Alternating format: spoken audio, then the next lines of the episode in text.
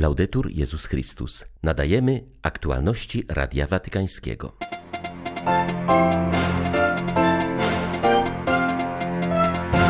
Świat żegna królową Elżbietę. Papieża na uroczystościach pogrzebowych reprezentuje pochodzący z Wielkiej Brytanii arcybiskup Gallagher, szef watykańskiej dyplomacji. Papież spotkał się z kolejną grupą nowo wyświęconych biskupów. Jest wśród nich siedmiu pasterzy z Polski. Walczycie o swoją wolność, a także za nas, powiedział goszczący na Ukrainie przewodniczący episkopatu Francji. 19 września witają Państwa ksiądz Tomasz Matyka i ksiądz Krzysztof Ołdakowski. Zapraszamy na serwis informacyjny. Świat żegna dziś królową Elżbietę II. Zmarła w wieku 96 lat brytyjska monarchini zasiadała na tronie od 1952 roku. Dłużej niż jakikolwiek monarcha w historii kraju. Na jej pogrzeb do opactwa westminsterskiego w Londynie przybyły delegacje z całego świata. Królowa spocznie w Windsorze koło rodziców, siostry i męża. 96 uderzeń westminsterskiego dzwonu obwieściło początek ceremonii pogrzebowej, w której wzięło udział ponad 2000 uczestników. Pod dachem opactwa Westminster w dniu pogrzebu królowej Elżbiety wspólnie modlili się protestanci i katolicy, Żydzi i muzułmanie. Papieża Franciszka reprezentował urodzony w Liverpoolu arcybiskup Paul Gallagher, sekretarz do spraw relacji z państwami w sekretariacie stanu stolicy apostolskiej. Obecni byli również kardynał Arthur Roche, prefekt dykasterii do spraw kultu Bożego i dyscypliny sakramentów oraz przewodniczący episkopatu Anglii i Walii kardynał Vincent Nichols. Podczas ceremonii pogrzebowej modlił się tymi słowami – Wszechmocny i wieczny Boże, wysłuchaj naszej modlitwy za wspólnotę narodów i udziel jej przewodnictwa Twojej mądrości. Ceremonię pogrzebową zakończył hymn narodowy i lament grany przez królewskiego dudziarza, po czym w całej Wielkiej Brytanii nastąpiły dwie minuty ciszy. W kondukcie dopracowanym do najmniejszych szczegółów trumna z ciałem królowej opuszczała Londyn przy wtórze Big Bena. Do Windsoru dotarła po godzinie 15. Tam odbyły się dwa końcowe akty pogrzebu Elżbiety II. Dla Radia Watykańskiego Elżbieta Sobolewska-Farbotko, Radio Bobola, Londyn. Wielki znawca brytyjskiej korony Jean de Cars podkreśla, że królowa bardzo lubiła dyskrecję i miała wielką delikatność w relacjach międzyludzkich. Przez całe życie była kobietą pokoju i do końca pozostała chrześcijanką. Religia, nie tylko ta anglikańska, była dla niej ważna. W ciągu swego życia spotkała pięciu papieży i wielokrotnie gościła w Watykanie. Miała rewolucyjne pomysły, jakby choćby to, by mimo sprzeciwu Churchilla filmować swą koronację. Pamiętam, że byłem wtedy małym dzieckiem, ale miałem wrażenie, jak i Anglicy, że zostałem zaproszony do Westminsteru, wspomina biograf królowej przypominając zarazem, że samo namaszczenie odbyło się za baldachimem, bo chciała uszanować ten moment sakrum. W swych wypowiedziach mówiła, że pokłada ufność w Bogu i myślę, że tak było. Przyczyniła się do większej otwartości na katolików i polepszenia relacji z Anglikanami, podkreśla Jean Descartes. Pytany, czy Karol III pójdzie w ślady matki, wskazuje, że trudno to jednoznacznie stwierdzić.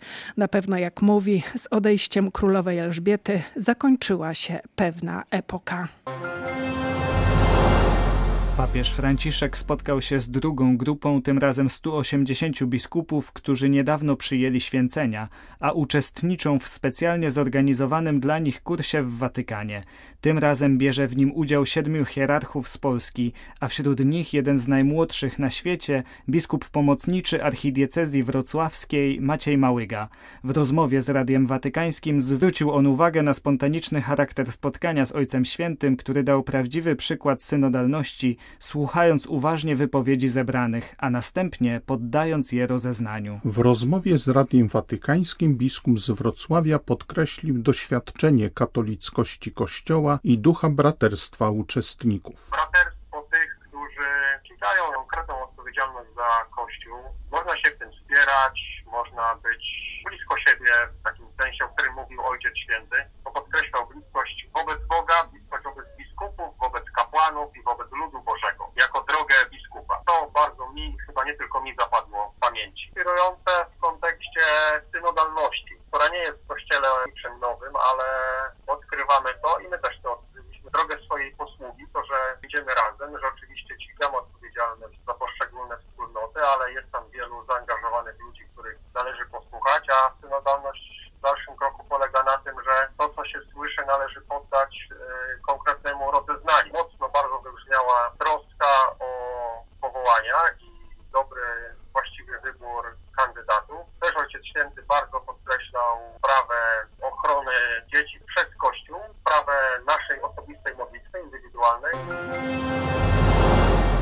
Walczycie o wolność waszego kraju, ale pamiętajcie, iż my wiemy, że walczycie również za nas powiedział w Kijowie przewodniczący episkopatu Francji na grecko-katolickiej liturgii pod przewodnictwem arcybiskupa Światosława Szewczuka. Arcybiskup Eric de Moulin-Beaufort podkreślił, że Ukraińcy walczą dziś o piękną ideę narodu i relacji między narodami w Europie.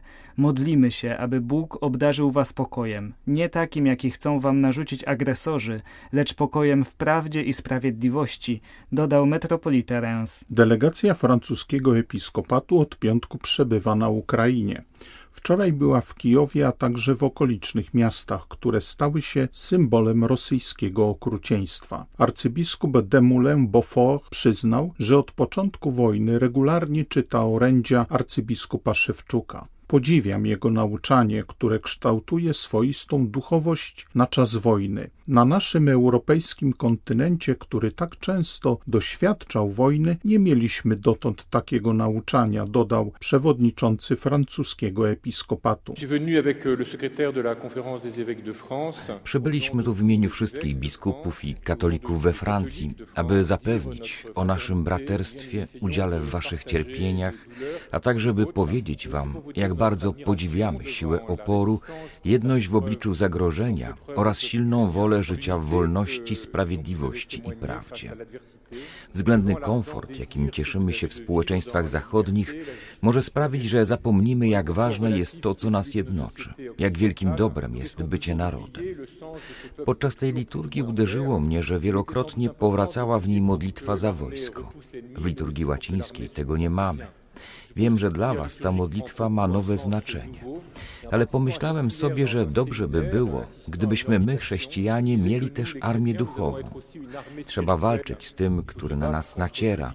Trzeba walczyć z tym, który chce niszczyć i krzywdzić, również bezbronnych, o czym przekonujemy się niestety na odbitych terenach. Ale jako biskup myślę, że powinniśmy również walczyć, by gniew i poczucie niesprawiedliwości nie przemieniły się w nienawiść. Ważne, by istniała armia duchowa, która się modli, by złe myśli nie zagnieździły się w sercach tych, którzy walczą o prawdę, sprawiedliwość i wolność.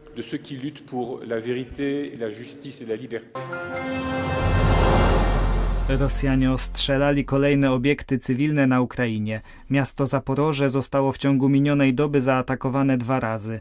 Ponadto agresor wysłał rakiety w stronę elektrowni atomowej w obwodzie mikołajowskim. Tymczasem na całej linii frontu toczą się ciężkie walki. Do ostatnich sił usiłujemy zatrzymać zło napadające na Ukrainę, Europę i świat, wskazał arcybiskup Światosław Szewczuk. Zwierzchnik miejscowych grekokatolików raz jeszcze podkreślił konieczność szanowania Boga Stwórcy przez okazywanie należnego respektu Jego stworzeniom. Zaznaczył też, że Ukraińcy jako chrześcijanie są zobowiązani przeciwstawiać się tej wojnie.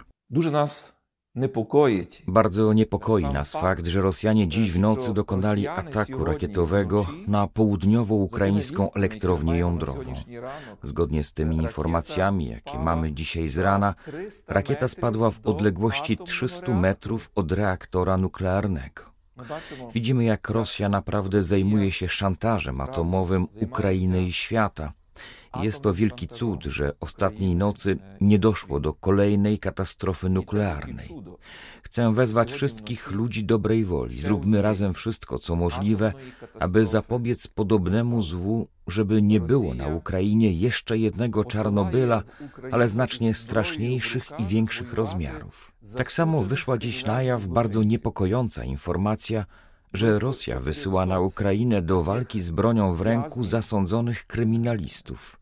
Blisko 400 takich uzbrojonych więźniów, których skazano wcześniej za ciężkie przestępstwa, skierowano na Ukrainę z miasta Tambowa w Rosji. Robi się to oczywiście po to, żeby zabijać ludność cywilną. Myrne naselenie. Uczniowie we Włoszech wracają właśnie do szkół. Wywołuje to falę dyskusji na temat przyszłości szkolnictwa w tym kraju zagrożonego monopolem edukacyjnym.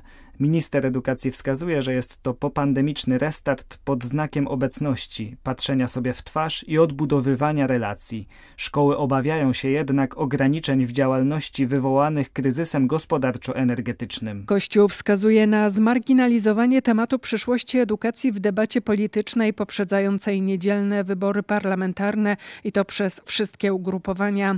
Siostra Anna Monia Alfieri, należąca do działającej przy włoskim episkopacie Krajowej Szkół, podkreśla, że Włochy są tym krajem w Europie, w którym najbardziej prześladuje się szkolnictwo niepaństwowe, w tym również katolickie, a pandemia ten trend jedynie jeszcze umocniła. Przypomina, że bez pomocy państwa kryzys może doprowadzić do zamknięcia wielu szkół niepaństwowych, co będzie dużo kosztowało społeczeństwo, ponieważ każdy uczeń będzie w tym roku kosztował państwo 10 tysięcy euro. Mam wrażenie, że włoskie państwo jest w stanie zapłacić każdą cenę, byle nie dać placówkom edukacyjnym wolności, mówi siostra Alfieri. Wskazuje, że Italia zbliża się wielkimi krokami do monopolu edukacyjnego. Zauważa, że wciąż brakuje wsparcia fiskalnego dla rodziców czy znanych na świecie bonów edukacyjnych. W obliczu obecnego kryzysu, gdy wiele rodzin nie stać na opłacenie dzieciom szkół równorzędnych, takie wsparcie pomogłoby uratować resztki pluralizmu edukacyjnego. Nieznani dotychczas sprawcy zaatakowali kościół Najświętszej Marii Panny w wiosce Nchang w zachodnim Kamerunie. Budynek podpalono oraz uprowadzono pięciu księży, siostrę zakonną i dwoje świeckich. O wydarzeniu poinformowała w niedzielę lokalna konferencja episkopatu. Biskupi wezwali do uwolnienia zakładników i zaprzestania przemocy wobec ludzi kościołów katolickich i protestanckich, zwłaszcza, że sprawcy ataków często sami do tych wspólnot należą. Hierarchowie równocześnie wyrazili swą solidarność z wiernymi diecezji Mamfe. Konflikt w zachodnim Kamerunie, który jest w większości anglojęzyczny, w odróżnieniu do reszty kraju preferującej język francuski, toczy się już od końca 2016 roku. Grupy separatystów ogłosiły powstanie niepodległej Federalnej Republiki Ambazonii. Twór ten nie jest jednak uznawany na szczeblu międzynarodowym. Postępują prace mające na celu odbudowanie Bazyliki Świętego Benedykta w mieście jego pochodzenia w Nursi. Świątynia została zniszczona podczas trzęsienia ziemi w 2016 roku. Ostatnio zapowiedziano, że proces rekonstrukcji kościoła może się skończyć w przeciągu następnych trzech lat. Wcześniejsze oszacowanie czasu pracy było niemożliwe ze względu na ciągłą obecność gruzu wewnątrz budynku. Inwestycja kosztuje w sumie około 12 milionów euro. W ramach projektu planuje się polepszenie systemów chroniących przed trzęsieniami ziemi. Ponadto odbudowa ma na celu przywrócenie świątyni do stanu jak najbliższego oryginalnemu pod względem formy architektonicznej i elementów dekoracyjnych. Prace mają wykorzystywać jak najwięcej materiałów zachowanych z kościoła lub w pełni z nimi kompatybilnych. Równocześnie nie ingeruje się zbytnio w fundamenty, gdzie mogą istnieć ważne z archeologicznego punktu widzenia elementy. Bazylika została zbudowana na miejscu rodzinnego domu świętych Benedykta i scholastyki. Były to aktualności Radia Watykańskiego. Laudetur Jezus Chrystus.